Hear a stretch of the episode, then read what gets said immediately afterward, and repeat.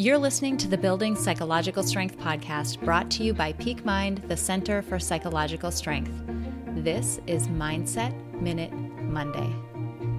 Friends, it's January, and if you are like so many other people, you're probably working on a new goal. Now, many times we set these huge, lofty goals only to feel awful later on when we quote unquote fail. This year, try setting the bar low. Set it so low that it's almost impossible not to achieve it. Rather than running for 45 minutes every day to count as exercise, what if a single push up counts? By doing this, you'll rack up successes and you'll take advantage of your mind's natural tendency to automate behavior and create habits.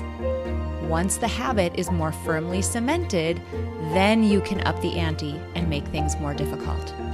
Try this out and see how it feels. DM us on Instagram at Peak Mind Psychology to let us know how it went. And if you want even more, click the link in this episode description for a free gift from us.